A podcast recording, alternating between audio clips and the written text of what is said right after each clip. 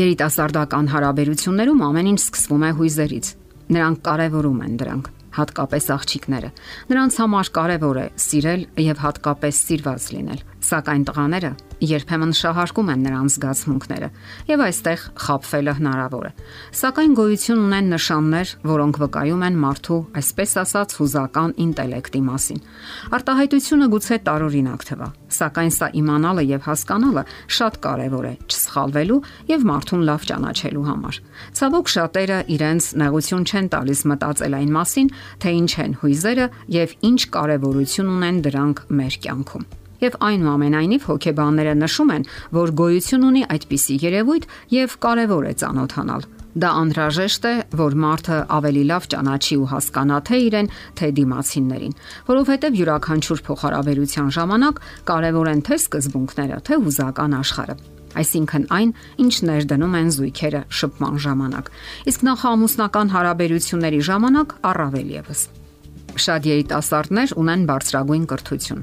Նրանք իսկապես, նրանք իսկապես կիրթ մտածողություն ունեն սակայն միևնույն ժամանակ նրանք կարող են հուզականորեն ամուլ լինել եւ շատ դժվար կլինի նրանց հետ գնալ բնականon փոխհարաբերությունների առավել եւս դժվար է նրանց հետ հուզական փոխհարաբերություններ ունենալ եւ հասկանալ միմյանց առանց խոսքերի որովհետև ամուսնական հարաբերությունների ժամանակ հուզական ինտելեկտի բացակայությունը դառնում է լուրջ հիմնախնդիր։ Ամենից առաջ ասենք, որ հուզական բարձր ինտելեկտ ունեցող անznավորությունները կարողանում են լսել ու զգալ մտերիմ մարդկանց հիանալի հասկանալ նրանց զգացմունքները, դիտավորություններն ու դրթապաճառները, ցանկությունները։ Հենց այդպիսի անznավորությունների հետ էլ հնարավոր է կառուցել խոր եւ կայուն փոխհարաբերություններ։ Իսկ եթե դուք ձեր կյանքը կապել եք հուզականորեն աղքատ անznավորության հետ, ապա դժվար է ակնկալել, որ նրանք կլինեն կարեկից ու խնամքով կվերաբերվեն ձեր հույզերին։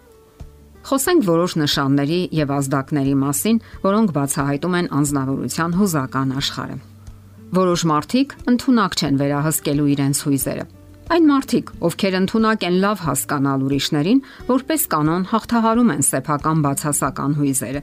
Եթե ձեր ընկերը կամ ընկերուհին ընդունակ է գրգռվելու եւ նյարդայնանալու բարկանալու ցանկացած մանրուքից պայթելու եւ վեճ հրահրելու շրջապատի հետ, ապա նա այդպես կվարվի նաեւ լուրջ եւ կենսականորեն կարևոր հարցերում։ Այդպիսի անznավորությունները հակված չեն հանդուրժողականության եւ ընդունակ չեն ընդունել մարդկանց այնպիսին, ինչպիսին նրանք կան։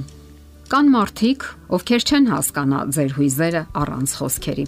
Հուզական աշխարհի կարևոր բաղկացուցիչներից է այն, որ մարդը կարողանում է տեսնել եւ ճիշտ մեկնաբանել դիմացինի հոգեկան աշխարհն ու հուզական ազդակները առանց խոսքերի։ Այստեղ իհարկե կարևոր են դիմախաղը, մարմնի շարժուձևը եւ դիրքը ընդհանրապես, նույնիսկ աչքերը։ Եթե ձեր դիմացի անznավորությունը առանց խոսքերի ընդունակ չէ հասկանալու, որ դուք ձեզ վատ եք զգում, հուզված եք կամ նյարդային, ուրեմն դուք չեք կարող ունենալ հուսալի ու վստահելի հարաբերություններ եւ հուզական կապ։ Հուզական բարձր մակարդակ ունեցող մարդիկ բարյացակամություն եւ վստահություն են ներշնչում։ Որպես կանոն նրանք շրջապատված են ընկերներով ու հարազատներով, որոնց հետ հարաբերություններ են պահպանում։ Եթե ձեր ծանոթը մերց շփումներ չունի եւ գանգատվում է, որ իրեն աշխատավայրում չեն գնահատում եւ հիմնախնդիրներ ունի գործընկերների հետ, դա նույնպես ցույց է տալիս, որ նա ընդունակ չէ հուզական խոր հարաբերությունների։ Շատ մարդիկ կարծես նման են եգիպտական սֆինքսի։ Սա նշանակում է, որ նման մարդիկ միշտ անխռով են Սակայն հարաբերություններում շատ կարևոր է ոչ միայն կարողանալ հասկանալ ու կարդալ դիմացինի հույզերը, այլ նաև անկեղծորեն դրսևորել սեփական մտքերն ու հույզերը։ Եթե դիմացինի հետ զրուցելու ժամանակ դուք չեք կարողանում հասկանալ, գուշակել, թե ինչ են ազգում տվյալ պահին, ուրեմն այդ անznավորությունը խնդիրներ ունի հույզերը դրսևորելու հետ կապված։ Կան մարդիկ, ովքեր կարող են անտեղի կատակներ անել այն ժամանակ, երբ ոչ ոք տրամադրված չէ դրան։ Նա կարող է սրամիտ պատմություններ պատմել, որոնք ոչ մեկին ծիծաղաշարժ չեն թվում, սակայն լսում են միայն քաղաքավարությունից դրթված։ Այդ մարդիկ ցանկություն անգամ չունեն որևէ մեկին վիրավորելու կամ կպչունություն հանդես բերելու։ Նրանք պարզապես չեն զգում, թե ինչպես են անցալում իրենց շրջապատի մարդիկ։ Սա եւս շատ կարեւոր է։ Կան մարդիկ, ովքեր չեն կարողանում դիմասինին սատարել անհրաժեշտ պահին։ Տխրության եւ ընկճվածության դրսևորումները վախեցնում են նրանց։ Նրանք չգիտեն ինչպես պահել իրենց եւ գերադասում են խուսափել այդպիսի հանդիպումներից։ Կամ կարեկցանք չեն դրսևորում։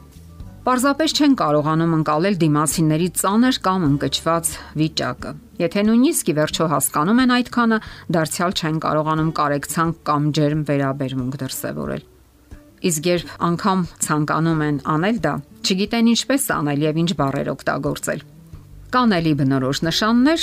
որոնք բնութագրում են հուզականորեն աղքատ անznավորությունը, որոնց կանրադառնանք մեր հաջորդ հաղորդման ժամանակ։ Այսօրվա հաղորդման ընթացքում խոսեցինք հույզերի եւ դրանց կարեւորության մասին։ Խոսեցինք նաեւ այն նշանների մասին, որ բնորոշում են հուզականորեն աղքատ անznավորությունը։ Մեր զրույցը կշարունակենք հաջորդ հաղորդման ժամանակ։ Եթերում է ճանապարհ երկուսով հաղորդաշարը։ Ձեզ հետ է Գեղեցիկ Մարտիրոսյանը։ Հարցերի եւ առաջարկությունների դեպքում զանգահարեք 094 08 2093 հեռախոսահամարով։ Հետևեք մեզ hopmedia.am հասցեով։